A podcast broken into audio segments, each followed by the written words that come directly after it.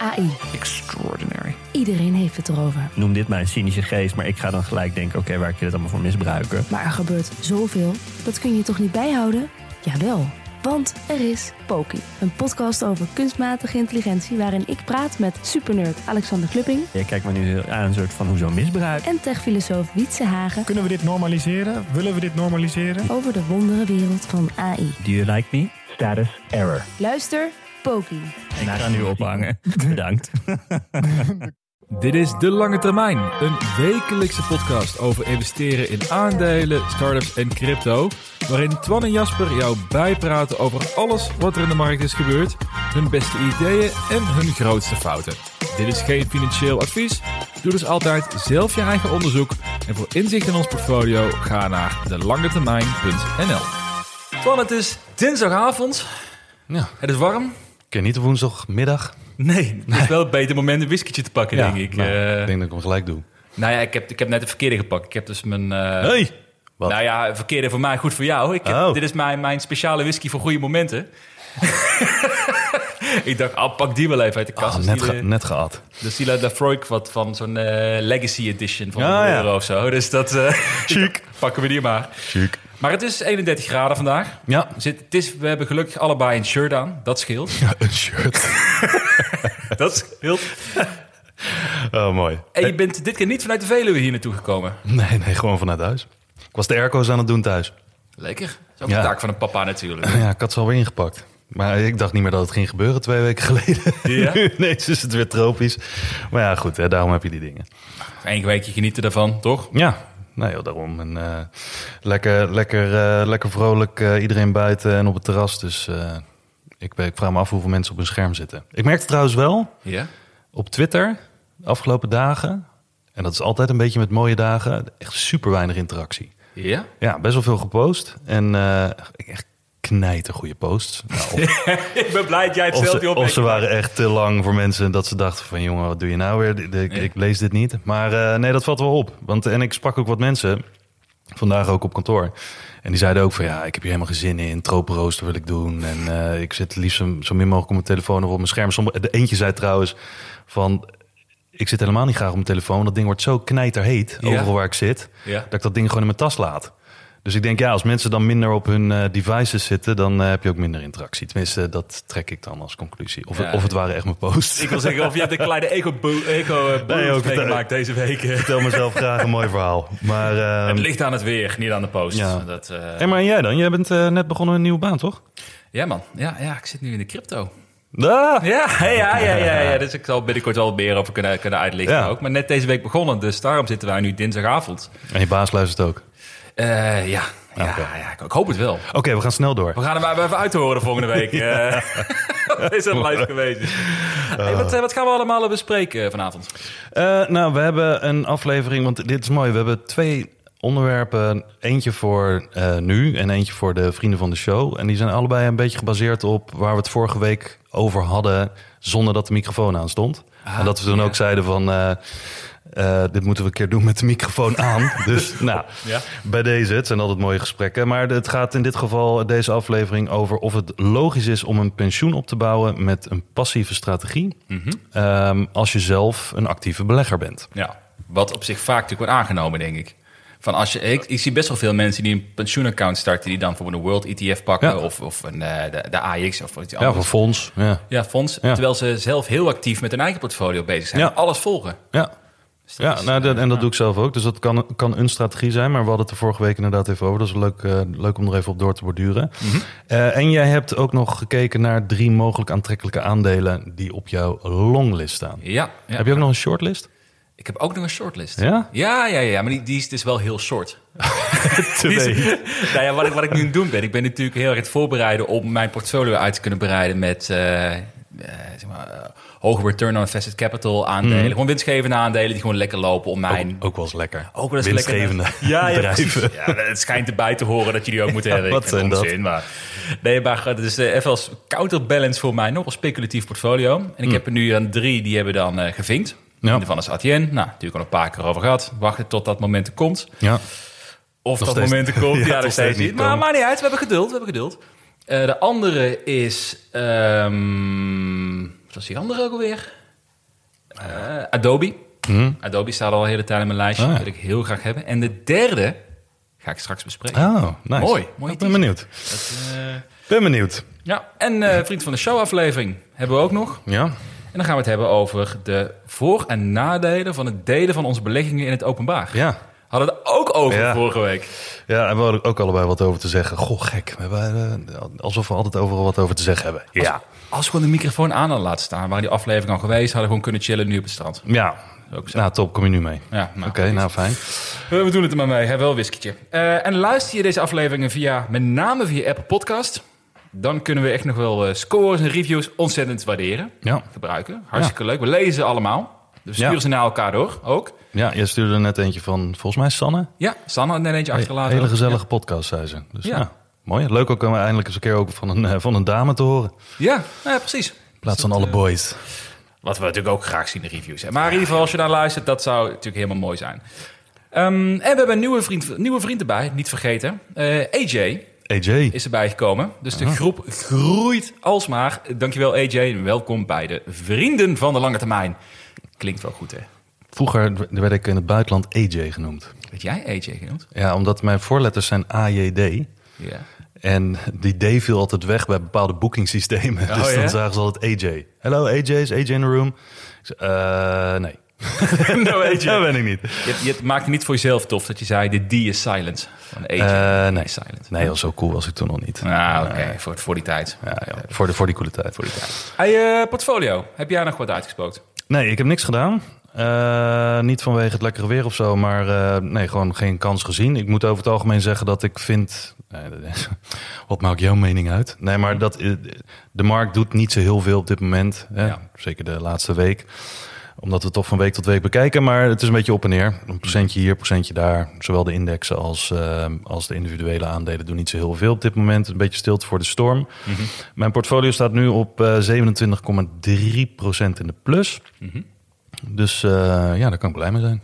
Nog steeds. Ja. Ja. Is ook wel eens een keer lekker, toch? Gewoon een beetje een rustige periode.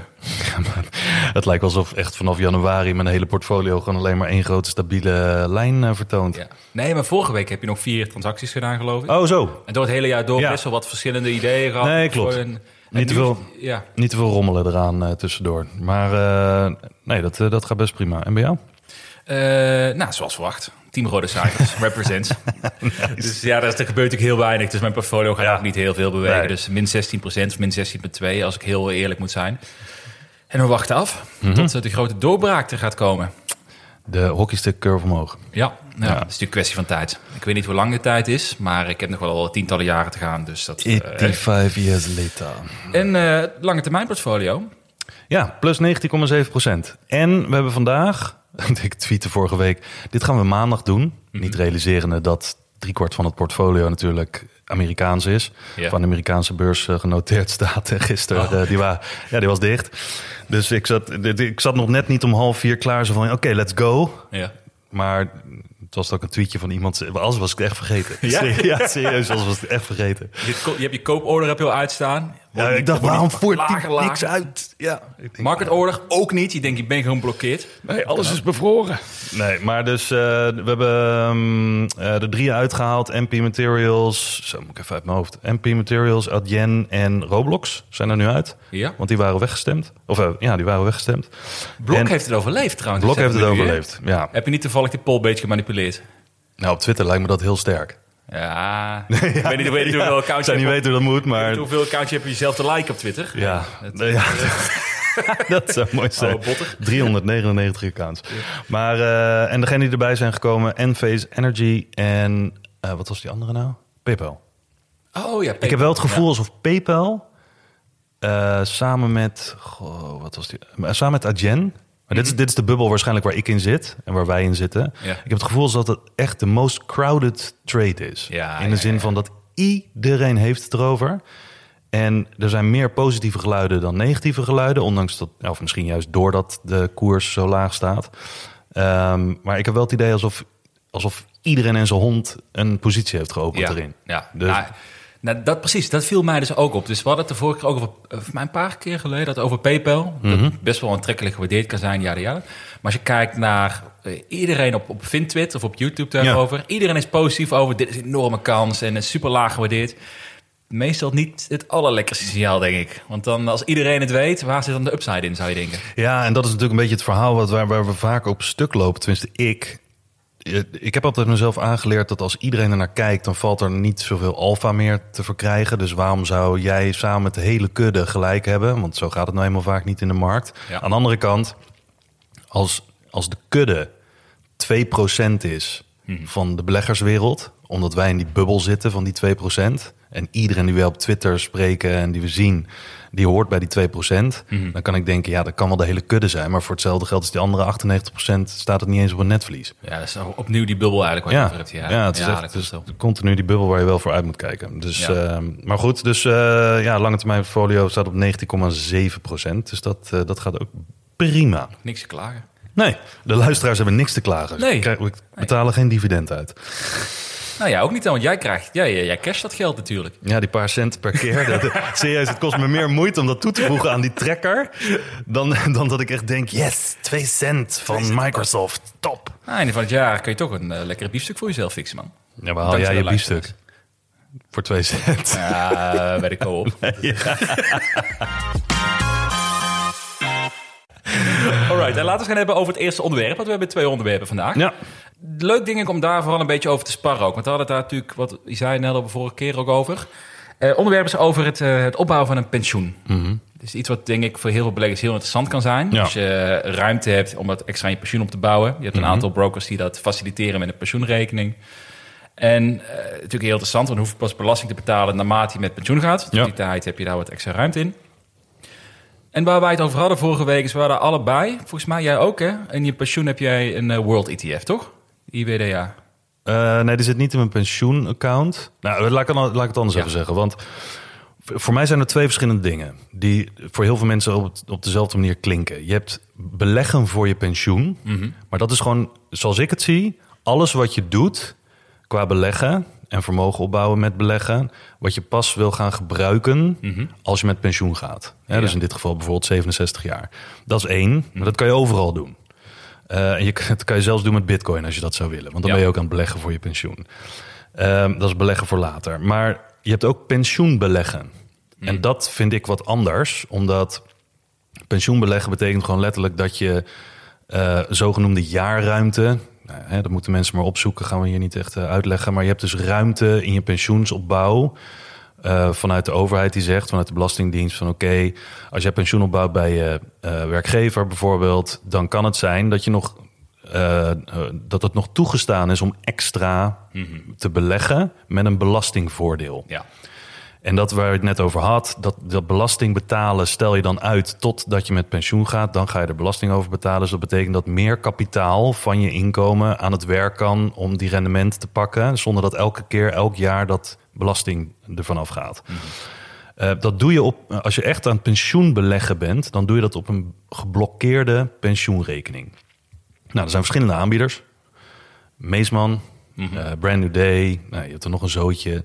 Eh, die vallen allemaal een beetje onder dezelfde bucket bij mij, omdat ehm, je kiest daar binnen hun platform voor een fonds. En dat fonds is niet één op één ook bijvoorbeeld bij de, bij de Giro te vinden. Het is geen ETF, het is gewoon een, een, een fonds. Of je nou een obligatiefonds of een eh, aandelenfonds kiest. Nou, bijvoorbeeld bij Brand New Day doe ik dat. Daar heb je het Wereldindexfonds. Ehm, wat gewoon eigenlijk hetzelfde doet als eh, bijvoorbeeld IWDA of VWCE van Vanguard, All World ETF. Eh, maar dat is in dat fonds. dat, dat zit gewoon in dat fonds. Ehm, bij, bij Brand New Day. Meesman heeft hetzelfde. Nou, nog een paar partijen. En dan heb je ook een officiële pensioensgeblokkeerde rekening voor beleggen bij de Giro. Dat is iets anders dan een normale account bij de Giro. Ehm, dat betekent dus dat al het geld dat je daar opstort, kan je er niet zonder boete van afhalen.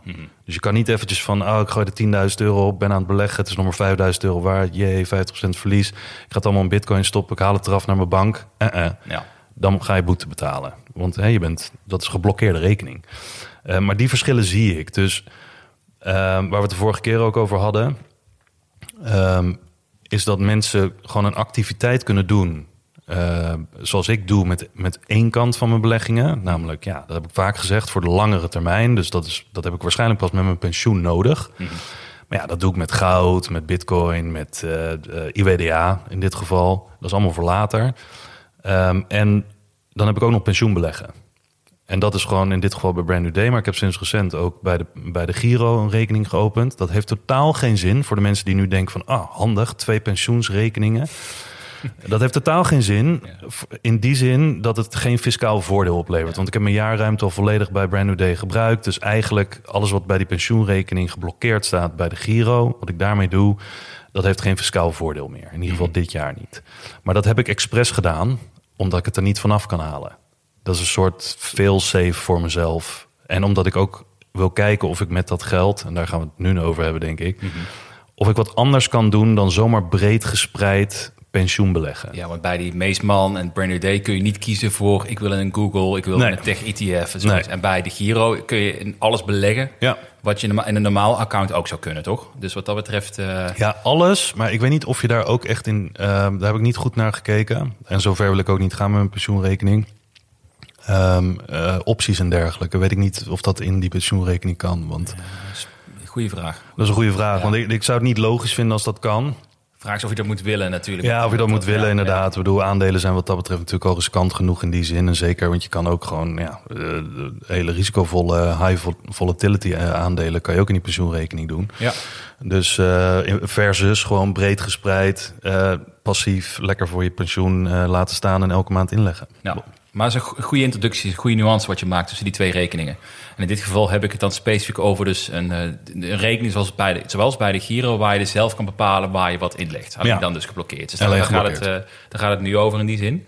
Eh, maar het leuke wat wij er natuurlijk al vorige keer dus over hadden is, ehm, in die rekening heb jij wel een World ETF, hè? IWDA? Bij de Giro? Ja, ja. Je? Nou, ik ook. Ja. Ik heb het een beetje, ja, hoor, ik heb toen wel jouw tweet gelezen. Dat dat je wel liked. Ja, mooi.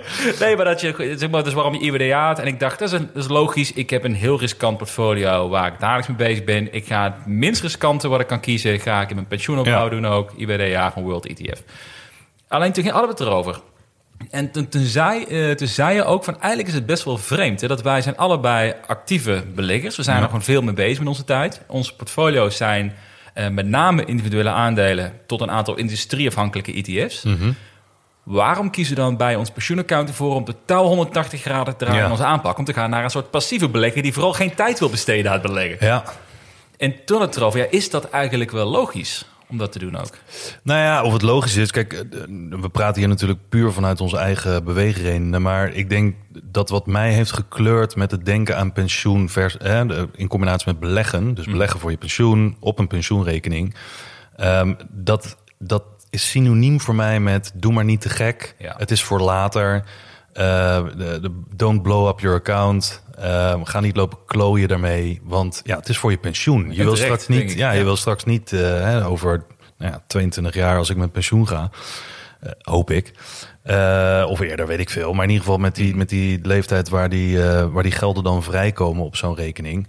Ja, daar, daar wil ik niet mee klooien. Ja. Dus ik dacht, en dat denk ik nog steeds voor een groot gedeelte. ehm, IWDA of welke grote gespreide brede ETF dat dan ook is.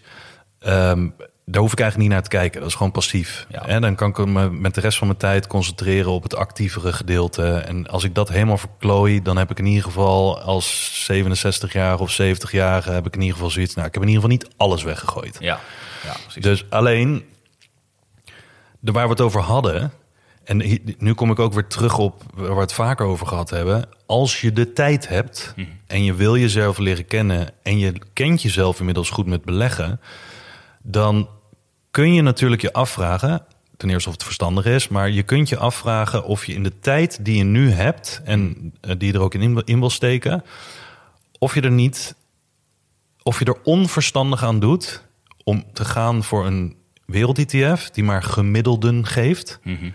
Eh, en dan kunnen natuurlijk mensen zeggen van ja, maar die gemiddelde, je geeft het ook 30 of 40 jaar, dus dat, dat tikt lekker aan, compound effect, et cetera. Ja, dat kan. In combinatie met de aflevering die we vorige week hadden met timing the market versus time in the market. Dat is Ja. perfect daarvoor met pensioenbeleggen. Maar ik heb voor mezelf gerealiseerd, oké, ik ben in alles wat ik doe met beleggen bezig met proberen, naast een stukje veiligheid, maar proberen om de index te verslaan. Waarom heb ik dan in mijn pensioenrekening het, de index? Ja. Hè, want dat, dat, ja, dat Ja, sleept gespreide index die je kan ja, dat sleept, dat Ja. sleept misschien mijn, mijn eh, rendement, die ik misschien de komende tien jaar, als ik er nog echt zo actief mee bezig wil zijn, sleept dat gewoon dat rendement naar beneden. Ja. Ehm, dus, dus toen ben ik gaan denken, en daar waar we het over hadden, is dat handig? Mhm. Weet je, want je hebt heel veel mensen die zeggen van, nou, voor mijn pensioen doe ik heel defensief. Eh, en in de rest kan ik wat meer risico nemen. Maar andere mensen zeggen weer terecht, ja, maar met je pensioenrekening heb je heel veel jaren. Dus verklooi je het bijvoorbeeld, heb je heel veel jaren om het goed te maken. En niet helemaal dat je al je geld kwijt bent, maar dat je gewoon wat meer risico durft te nemen. ja. Want je doet het voor je pensioen. Je doet het niet omdat je dat, dat geld over tien jaar nodig hebt. Nee, je doet het echt omdat je dat past. Ja, tenzij er mensen luisteren die 57 zijn. Maar als je eh 30 bent, bij wijze van spreken, dan heb je nog eh 37 jaar te gaan. Ja. Ja. weet je, misschien kan je zelf dan vertellen. eh, ik heb er verstand van. Ik heb goede resultaten met de rest van mijn actieve portfolio. Waarom zou ik dat met mijn pensioenrekening ook niet doen? Ja. Misschien wel leuk is, ik heb hier van tevoren heb ik even heel kort naar de cijfers gekeken en wat rekensommen gemaakt over waar, eh, waar hebben we het nou over concreet. Ja. Hè?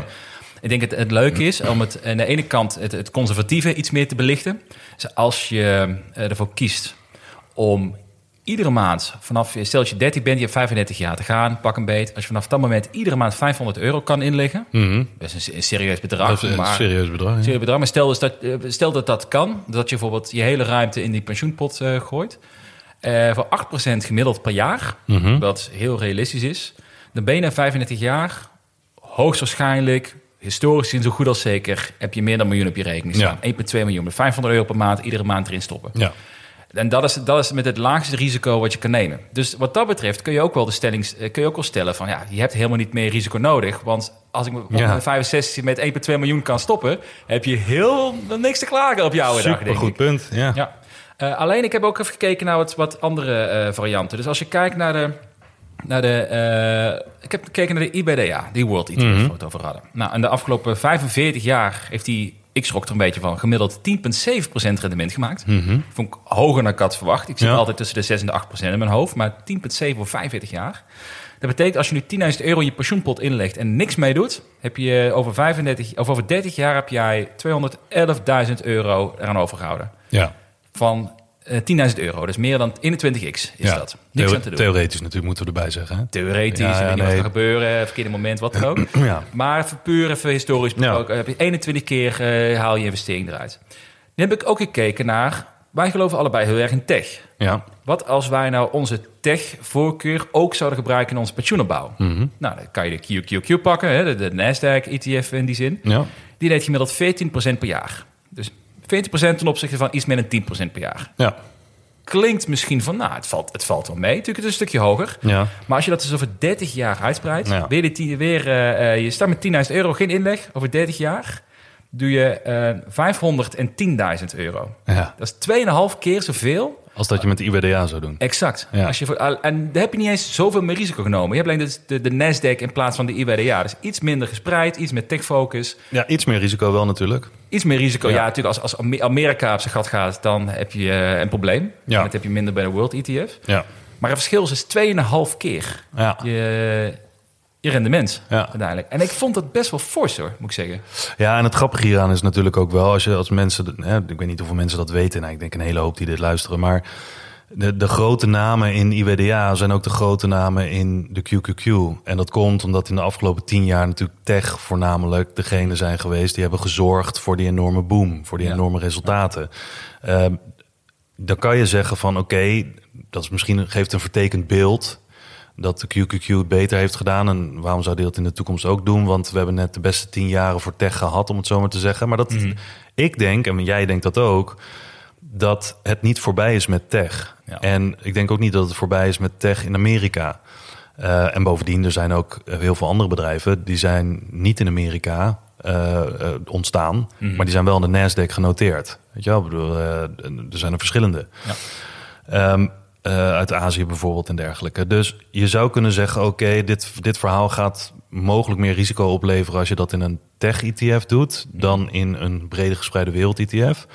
Eh, omdat we net die beste jaren hebben gehad en in de toekomst verwachten we dat het niet meer zo is. Nou, ik verwacht dat het wel zo is. Dus waarom zou je dan zo breed beleggen in IWDA? Terwijl je ook in de QQQ kan beleggen. Dus in dit geval de EQQQ. Dat is de Europese versie. Of tussen in euro's genoteerd. Ehm, ja, dus dat is een goed punt. Want dat is, dat is aanvallender. En ik denk ook... Wat, wat het rare is met pensioen... Dat, dat woordje pensioen, omdat het zo ver in de toekomst is. Sommige mensen zeggen, ja, daar, heb ik, daar heb ik niks mee, dat is te ver weg, dat is te abstract voor mij, daar kan ik helemaal niks mee. Ja. Andere mensen zeggen, ja, dat is nog zo ver weg, daar ga ik van profiteren. Weet je wel, want dan, dan kan het het werk doen. Ehm, dus ik moet die niet zitten wat ik de hele tijd vasthoud. Dat hebben ze, veel mensen ook met aandelen. Weet je wel, en ik, ik, je, zoals je weet, ik denk daar anders over. Eh, als ik nu iets koop, hoef ik het niet over 30 jaar nog vast te houden. Kan, hoeft niet. Ja. Soms, be- soms beter om het wel te doen, maar ja, dat kan je pas achteraf zien. Maar dus, stel dat je de komende jaren verwacht dat tech het beter gaat doen, de komende 10 jaar bijvoorbeeld, en je zou in je pensioenrekening bij de Giro de EQQQ kopen. En je zou daarna, omdat je ziet dat tech toch minder wordt... en dat er andere industrieën bijvoorbeeld groot worden... binnen zo'n IWDA of een VWCE van Vanguard... eh, die ook de wereldindex volgt, maar dan iets, iets minder op het westen gericht... Eh, of je pakt een emerging market eh, eh, ETF erbij, waar Ja. Vietnam en dergelijke allemaal in zitten. Omdat je verwacht dat daar veel uitkomt. India, noem het maar op. Maar misschien dat dan tech over tien jaar minder resultaten voor de tien jaar daarna gaat geven. Maar dan switch je. Ja, exact. Je hoeft niet Want- dan de rest van je leven dat vast te houden. Nee, dat. En, en dat is het rare. Ik ben zo actief bezig, maar met dit gedeelte denk ik dan soms van... waarom denk ik dat ik dit voor de komende 30 jaar moet doen? Ja, exact. Maar Want- dat is de perceptie bij een pensioen van je pensioenrekening. Je mag er niet aankomen. Nee, je mag er niks van afhalen. Maar je mag kopen en wegkopen in een rekening wat je wil. Ja. Dat vind ik een heel goed punt. En misschien zelfs als je dus, stel dat je accessie bent, dat het dan ook logischer is om misschien wel je Nasdaq te verkopen naar zo'n IBDA. Omdat je dan gewoon minder Absoluut, risico wil nemen ja. de laatste paar jaren. Maar dat Ja. kan ook allemaal. Ik had nog gekeken trouwens afsluitend. Ik dacht van oké, wat, wat voor opties heb je nou nog meer los daarvan? Wat misschien wel interessant kan zijn. Afhankelijk of je risico wil nemen. Mhm. Nee, ik dacht zelf van eh, wat ook interessant kan zijn. En nu ga ik wel een beetje ruzie maken met sommige mensen. Maar een, eh, een iets nog agressievere tech-ETF. Zoals ARK Invest. Ja. Vind Kan ik je wel, niet, vind kan ik je wel, niet, eh, die, hm? Daar kan je niet in beleggen, toch? In Nederland? N- niet via de Giro. Nee, maar nergens volgens mij. Behalve, nee, volgens mij, het- ze, hebben, via? ze hebben niet dat information document. Dat key information Ook niet via document. Trading 212? Nee, Oké. nee. Nou, dan hoef je niet te skippen. Die, wel- ik vond die ook sowieso op het randje van, van of je dat wel moet willen. Maar het is ontzettend volatiel. En dat vind ik eigenlijk een stap te ver. Maar een andere die ik heel leuk, want die wij een paar afleveringen geleden besproken hebben. eh, Scottish Mortgage Fund. Hmm. Ook natuurlijk interessant met heel veel tech-aandelen erin. Een soort Berkshire, laten we maar zeggen. Ja. Maar dan iets meer tech-focus. Ja. SpaceX zit erin. Is ook iets, iets stabieler in die zin. Dus als je daarin gelooft en je daar iets meer risico willen nemen... zou dat misschien een interessante kunnen zijn. Mhm. Ehm, daarnaast vind ik, wat jij ook een paar keer hebt gebruikt volgens mij... zijn dan specifieke ETF's binnen een bepaalde industrie. Ja, Zoals je met Van Eck gedaan hebt met de crypto-ETF bijvoorbeeld, die DAPP. Eh, misschien geloof je wel ook wel meer in de semiconductors, dat die nog belangrijker worden. Mhm. Je kan bijvoorbeeld kiezen om een combinatie te maken met een specifieke ETF, zo'n crypto-ETF Ja. Mhm. of semiconductors, in combinatie met de IBDA. Hè? Misschien kun je er ook een beetje mee spelen. Ja. Vind ik ook een leuke. Eh, of de derde optie, en ik denk dat die weinig genoemd is, maar net zo sterk is, misschien wel sterker. Gewoon kiezen voor de paar van de grootste tech megacaps die je de komende 20 jaar gewoon verwacht dat ze blijven domineren. Ja. Gevaarlijk om te zeggen. ja. Maar een, een Google, Microsoft, Amazon, je kunt ook kiezen om gewoon die drie of vijf top tech bedrijven gewoon te pakken in je portfolio, die je gewoon kan aanhouden. Ja, en ik denk dat dat... Het grappige is vaak dat... Ik heb hem ook wel eens gesteld, we hebben het er ook wel eens over gehad. Dat is de, volgens mij een van de meest populaire vragen onder mensen die vinden dat ze lange termijn beleggen. Of het nou lange termijn beleggers zijn, maakt niet uit. Ik ken ze niet in die zin zo goed. Maar heel veel mensen hebben het erover, ook heel populair op Twitter. Welke drie aandelen zou je, als je nog maar drie zou mogen hebben... en het mag geen ETF's en dergelijke... welke zou je aanhouden voor de komende 30 jaar? Ja. En in feite heb je daarmee ook gezegd... met welke drie aandelen zou je je pensioenrekening kunnen vullen? Ja, ja Bijvoorbeeld, hè? Ja, Want ja. ja. 30 jaar, dan ben je met... Nou, heel veel mensen zijn dan met pensioen. Of eh, nou ja, 35, 40 jaar, maakt niet uit. Mhm. Maar dan krijg je altijd dezelfde namen. Je krijgt altijd de Microsofts, de Googles, de Apples... Oh ja, Apple natuurlijk. Ja. Ja, Amazon, Ja. weet ik veel wat, de grote namen. Ik denk dat dat wel gekleurd is natuurlijk door de afgelopen 10, 20, 10 12 jaar. Maar dat is inderdaad ook iets waar we het vaak over hebben gehad. Als jij een, een gewoon hele brede ETF hebt en je hebt in een paar namen voor de komende 30 jaar echt eh, vertrouwen. Ehm, ik denk ook niet dat die de komende 10 jaar kapot zullen gaan. Dus nou, dan kan je zeggen, dan heb je een relatief veilige. Hè, wat is ook altijd gevaarlijk om te zeggen veilig. Maar dan heb je een relatief veilige mix in je Ja. pensioenrekening. Ja. En dan kan je met de rest, bij wijze van spreken, niet dat je dat moet doen, kun je klooien. Exact. En als je na tien jaar denkt, het wordt toch niet meer, stap je er weer uit, koop je een andere ETF. Ja, dat. Dus, eh, Ja. Maar ik denk dat het goed is eh, om dit af te sluiten. Ik denk dat het interessant is voor mensen om te beseffen van, eh, ten eerste wat een pensioenrekening heel interessant kan zijn. Mhm. Het klinkt misschien een beetje saai, Ja, maar je hebt zo, je hebt, ik denk dat we meer opties daarmee hebben dan mensen soms beseffen. ja. Dat het heel voordelig kan zijn om dat op te bouwen, want het is gewoon ruimte die je krijgt in veel Ja. gevallen. En ja, het is gewoon ook een fijne manier om op die manier te bouwen aan je toekomst. ja. Zonder dat je te veel aan het speculeren bent. Dus, ja. eh, en het feit, en de, met, met, met de bijkomstigheid dat je, je kan het geld er niet afhalen Ja. zonder een dikke boete. Ja. En hoe langer je het doet, hoe groter die boete is, want hoe meer kapitaal erin zit. Dus ik vind dat voor mezelf. Hè? It's not a bug, it's a future. Ja, het is een feature. It's, a- it's not a bug, it's a feature. Ja, nee, maar dat, dat, dat, dat, zo zie ik het letterlijk. Ja, het is ja, echt ja. een feature. Het is echt voor mezelf ook. Ik kan dat er gewoon niet afhalen om iets anders mee te gaan doen. Ja. Dus eh, ik, ik kan er maar beter voor zorgen dat het of naar nul gaat. Ja, ja, ja. Ik, ik was het wachten op dat week. Nee, nee, maar ik kan maar beter ervoor Ja. zorgen dat wat erin staat, dat ik daar de komende 30 jaar echt wat mee kan. Want anders is het zo'n losse flodder die ergens hangt en ik kan het geld er niet uithalen. Ja, en anders ben ik 40% rendement kwijt. Ja. Shit happens. Ja, ik moet even een mooitje hebben even erin gegooid. Dat ik eh, mijn eerste pensioenpot helemaal vergooid Ja. heb aan een Canoe en First Republic. Lekker dit. Ja, fijn. Nee, goed. Ik ga geen opmerking maken over dat jij zei over 22 jaar gaan met pensioen. Ik gedraag me netjes. Voor een keer. Vorige keer, ik doe één keer mijn best. En jij komt meteen, "Hey, als je naar nul gaat op pensioenfonds. Ah joh, cheap shot. Ja, ja maar gelukkig smaakt de whisky lekker. Dat scheelt. Zullen we doorgaan naar eh, drie aantrekkelijke aandelen? Ja, We hebben nog de laatste fase van deze aflevering. Gaan we daar eens even babbelen. Ik weet niet of u ze kent, trouwens. We gaan, eh, ik ga eens even kijken of u ze kent zo meteen. ja. Maar eh, ik, ga er gewoon, ik ga er gewoon meteen mee beginnen. Dit zijn Ja. Mhm. drie aandelen die dus op mijn longlist staan. Van één op mijn shortlist. Die, ehm, was, die ik denk die wel aantrekkelijk zouden kunnen zijn... mits je in die branche eh, geïnteresseerd bent. Nou, niet per se als disclaimer, maar je moet zelf even kijken of het bij past... of je het daadwerkelijk aantrekkelijk vindt. Want ik zeg niet dat er meteen allemaal buys zijn... maar het zijn bedrijven die mij in ieder geval opvallen om te blijven volgen. Dat even gezegd hebben. zullen we meteen aftrappen? Mhm. Ja. Eentje is denk ik bekende voor eh diegenen die betrokken zijn bij ons eh, de lange termijn portfolio. Nou ja. Luisteraars. Dat is eh Hims and Hers. Ja. Is dat. dat is een eh telehealth bedrijf. Ken je die trouwens nog? Die hebben het nog uitgegooid twee maanden geleden. Ja, da- daar ken ik het van, ja. Ik al. Nou, ik was dus verrast. Ik, kwam deze, ik kreeg op Twitter reactie over. En hij kijkt eens naar Hims and Hers. Het stond nooit op mijn netvlies. Want ik, het is een telehealth bedrijf. Dus je kunt eh, een, zeg maar, medisch advies krijgen, geholpen worden op afstand. Was tijdens natuurlijk de coronaperiode heel aantrekkelijk. Omdat mensen niet meer naar buiten mochten. Er is ook een hele hype ontstaan rondom dit soort bedrijven. Ik zat zelf in Teledoc bijvoorbeeld. Ook zo'n type bedrijf. Ja. Maar het was helemaal van mijn radar afgegaan de laatste twee jaar. Dus iemand zei, kijk daar eens naar. Dus ik ging eens kijken naar de cijfers. Wat hebben ze nou gedaan? Ja, ik was helemaal verrast. Oprecht. Ja? Ze hadden een, ehm, ondanks dat de coronaperiode achter ons is en iedereen mag weer naar de dokter, zijn ze de afgelopen drie jaar ieder jaar gemiddeld 85% gegroeid in omzet. Zo. Echt, dus je mag het oprecht een groeibedrijf noemen, denk ik erin. Uh, vorig kwartaal ook gewoon nog 93% gegroeid ten opzichte van vorig jaar. En wat ik zelf heel enthousiast vind, eh, waar ik enthousiast van word, moet ik zeggen, is uh, nou, de enorme omzetgroei die ik net al zei. Uh, ik vind zelf de, de telehealth nog steeds een hele interessante markt. Ja, ik ook. Door die, ja, we hebben veroudering, vergrijzing. Uh, nou, we, kennen allemaal wel iemand die hulp nodig heeft naar de dokter te gaan als ze 80 zijn en niet meer auto mogen rijden. Nou, telehealth is een fantastische oplossing, denk ik, voor heel veel problemen.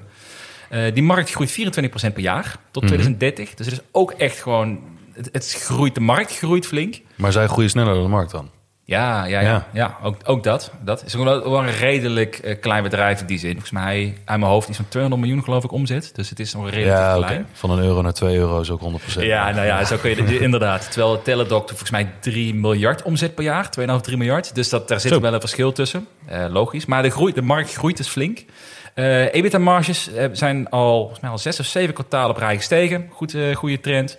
En wat ik heel fijn vind, is het management overtreft continu de verwachtingen. Dus ze hebben volgens mij de laatste paar keren, iedere keer als een guidance afgegeven hebben, iedere keer overtreffen ze die.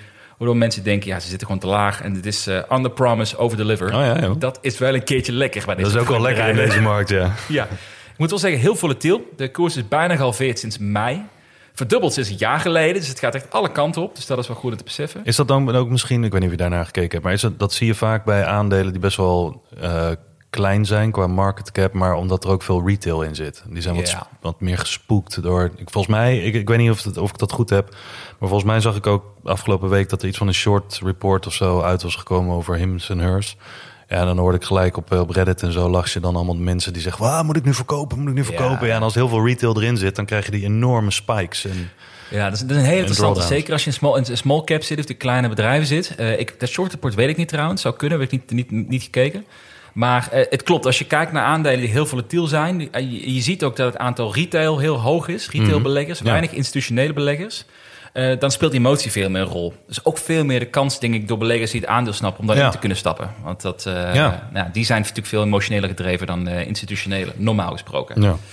Ehm, en wat nu de interessant is, door die, door die koersverlaging betaal je nu iets minder dan twee keer de omzet. Vind ik best redelijk voor een bedrijf met 80% bruto marges die zo flink groeit. Het is wel nog niet winstgevend. Ook niet echt een aandeel wat daardoor heel erg eh, geprijsd is door de markt de laatste jaar.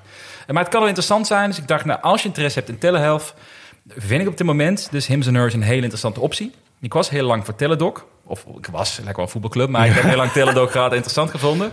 Maar je betaalt ongeveer dezelfde waardering qua, eh, ten opzichte van de omzet. Alleen ja, Teledoc groeit bijna niet of minimaal en zijn groeien 85% per jaar. Oh. Dus ga er maar aan staan. Dus, dus dat kan een interessante zijn om eens keer naar te kijken. Wel fijn dat hij uit het eh, lange termijn portfolio nou, het allermooiste top, vond ik vorige week dat wij allebei Adyen kochten. Ja. En dat, ik, dat de keuze was om uit het portfolio Ja. te flikkeren. ja. Kennelijk denken wij wat anders dan de crowd. Ik heb geen idee. Nou ja, ik bedoel, ik kan niks zeggen. Ik sta min 16 en de, de luisteraars staan plus 17 of plus 20. Dus wat dat betreft... eh, Ja, hè? voorlopig gaat dat eh, inderdaad eh, dat verhaal niet op. Anders. Nou, nee. ik pas wel op. Hey, het tweede aandeel die ik interessant ook vind, dat is Digital Ocean. Nooit van gehoord. Nee, hè? Nee. Dat, dat is best wel een obscuur aandeel in die zin. Of obscuur, het is wel 3,5 miljard gewaardeerd. Het is geen klein aandeel. maar, eh, maar weinig mensen hebben het erover. Maar het is de enige pure play cloud computing aandeel op de beurs. En de rest heb je natuurlijk Amazon, Microsoft, die zitten er allemaal Ja, in. ja. Maar zijn ze de enige die zich hier 100% op richten. Oh ja? En dat is natuurlijk best wel interessant, want dat is ook een enorme groeimarkt natuurlijk waar dat in, eh, in begeeft. Alleen het leuke, en daarom vind ik dit nu een kans, vond ik leuk om deze te benoemen, is dat de koers is recent eh, echt enorm gedaald. Het staat nu eh, volgens mij rond all-time low, in ieder geval 52 weken low. Ehm, dat komt mede doordat de guidance voor dit jaar een beetje troebel was. En ze hebben, zijn op zoek naar een nieuwe CEO. Nou, zorgt er voor onzekerheid. Retailbeleggers zitten erin, dus ze vinden het allemaal heel spannend. Ja. Dus je ziet meteen de koers een daling maken daarin. Ja. Maar wat ik interessant vind, het is en een, ehm, het bedrijf is winstgevend, of in ieder geval eh, positief qua EBITDA. Eh, en ze hebben heel agressief zijn ze in share buybacks. Oh, ja. Dus Ze laten ook zien, jongens, we zijn zo ondergewaardeerd. eh, let even op. Ze, hebben, ze verwachten de komende jaren 15 tot 20 procent van alle uitstaande aandelen terug te kopen. Tegen een hele voordelige koers. Exact, ja. Ja. Maar stel je, dat is dus eigenlijk al in theorie 20% rendement alleen maar omdat zij gewoon terugkopen, want eh zij zijn Ja. gewoon ondergewaardeerd. Ze hebben volgens mij al iets van 10% de laatste jaar teruggekocht, dus ze zijn al flink bezig. En ze groeien dit jaar ook nog steeds met 25%, eh EBITDA marge van 40%, ook heel netjes. Echt een, eh, een software aanbieder in die zin, of, eh, of een marges. Ja, best wel een, een aandeel die wel eens heel interessant zou kunnen zijn voor de, diegenen die het niet erg vinden om wat onzekerheid te trotseren. Is deze aan de Nasdaq of? Ja, Nasdaq inderdaad. Nasdaq. Ja. Dus dat, ehm, Interesting, nooit van gehoord. nee, maar dat, daarom is dit dus Ja. een leuk aandeel ding om te benoemen. Ik denk dat weinig luisteraars hiervan gehoord hebben. Ja. En eh, ik moet zeggen, ik heb er nog te weinig in gedoken om echt een mening erover te hebben om het op mijn shortlist te zetten. Maar het, ehm, mijn eerste trigger was, kan interessant zijn. Diamonds. Diamonds, diamonds in the rough. En dan gaan we meteen door naar de laatste. En dat is degene die op mijn eh, shortlist staat. Dus de nummer drie die ik wil kopen zodra het moment er is. Mag ik een trommelgeroffel? Oké, ik doe het zelf wel. Lekker dit. Je was al bezig, man. Ik zie jou zo met je arm over elkaar zitten. Dat, dat gaat niet gebeuren. ja. Lekker dit. De derde is, eh, die noemden we net al in de introductie heel, eh, heel kort. Enphase. Hmm. Is, ken je dat bedrijf trouwens? Ook wat ze doen? Of is het, want dat is wel bekender. Nou, nu, nu, eh, nu ken ik het inmiddels, maar dit is zo grappig. Want er zijn natuurlijk zoveel aandelen. Maar omdat deze nu op de lijst stond van eh, toevoegingen voor het lange termijn portfolio, Mhm. eh, des te interessanter. Omdat, ja, dan ga ik er een beetje naar kijken. Want Ja. ik bedoel niet dat, dat ik echt denk van daar, daar moet ik zelf wat mee. Maar ja, als er iets op je radar komt, dan, dan wil ik, ben ik toch ook nieuwsgierig. Ja. Dus ik, ja, inderdaad, ik heb er even naar gekeken. Ik had er daarvoor echt nog nooit van gehoord. Ja. Nog nooit. Klinkt raar misschien, maar nee, echt nog nooit. Nou, Enphase is echt, dat is, een, dat is zo'n schoolvoorbeeld van een aandeel die denk ik tien jaar lang stilgestaan heeft. Zeg maar qua koers tot 2019, een paar keer 50% of meer gedaald. Niemand gaf er meer een stuiver om. En in de vijf jaar tijd, ja, ik weet niet uit mijn hoofd hoeveel, maar het is van een paar dollar gegaan naar uiteindelijk eh, drie, 400 dollar. Echt in vijf jaar tijd, echt gigantisch gestegen in een korte tijd. Wat doen ze? Nou, het is een, eh, dat is een goede vraag. dat is een goede vraag. Zij, eh, zij maken producten rondom, energie, eh, rondom zonne-energie.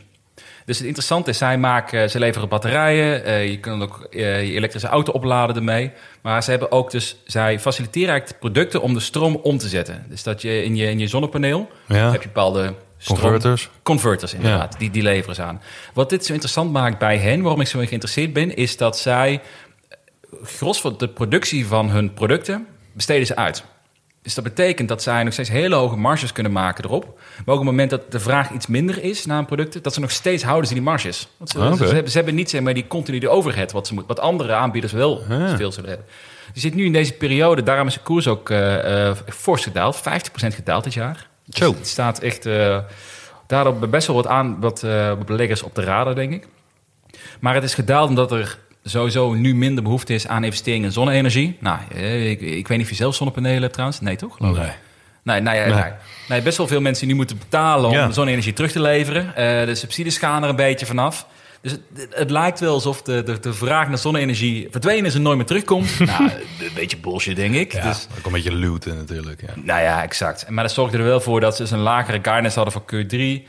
Eh, en analisten zeggen, jongens, het, is, eh, het groeiverhaal is uit. Het was een paar jaar fantastisch. Eh, ze verwachten dat ze dit jaar maar 15% gaan groeien, year over year. Ze zeggen, jongens, dit is geen groeibedrijf meer. We gaan het nu waarderen als een, ja, een, een volwassen, uitgegroeid bedrijf. Nou, ik denk dat het totale bullshit is. dat is mijn aanname. Hmm. En wat mij vooral getriggerd heeft, waarom deze uiteindelijk ook op een, op een lijstje komen is om te gaan kopen zodra het moment daar is, ehm, is dat zij ontzettend efficiënt zijn met, dus met hun kapitaal. Dus de return on invested capital, de metric waar ik veel meer aan het kijken ben, is eh, 44% Dat is echt, echt hoog. Het is, het is volgens mij nog hoger dan, nou ik ga niet vergelijken, want ik weet het niet uit mijn hoofd, maar die is echt hoog. Ja. En dat betekent dus dat iedere euro die zij eh, herinvesteren in een business, levert 44 cent extra omzet op. Dus, dus je kunt gewoon heel makkelijk daardoor blijven schalen als je zorgt dat een cashflow beoordeeld Ja. blijft. Nou, dat hebben ze, want ze hebben enorme marges. Dus eigenlijk is dat verhaal heel makkelijk te maken. En de laatste vijf jaar, of de laatste vijf kwartalen, is die percentage alleen maar verder gestegen. Dus, dat, dus om te zeggen dat het een volwassen bedrijf is, misschien qua omzet, maar als ze ieder kwartaal door blijven groeien qua efficiënt herinvesteren, is die rekken nog lang niet uit, Hmm. mijn gevoel. Terwijl analisten zeggen de groei is eruit. Ja, nou, ze kijken dan waarschijnlijk naar, naar de omzet. Ja. Maar ik kijk naar free cashflow en eh, wat ze met het geld gaan, eh, wat Ja. ze daarmee gaan doen ook. En dat, het, het klinkt voor mij super interessant. Ehm, ook hoge marges, 20% netto marges, 31% free cashflow marges. Oftewel, ziet er allemaal super interessant uit. Aandeel is behoorlijk afgestraft. Ten onrechte, en naar mijn gevoel, als je voor iets langer dan twee jaar vooruit kijkt. Ehm, ik heb zelf een koop staan op deze, op deze aandeel. Deze aandeel? Dit Dit, aandeel. Ja. Lekker, het is al de late woorden. Whisky is allebei nog. Ik hoop zelf tussen de 100 en de 120 te kunnen kopen. Staat nu op 130 geloof ik, het is best wel dichtbij. Wordt een strijd tussen uh, Enphase en Adyen. Wat gaat de eerste Oh, worden? ja.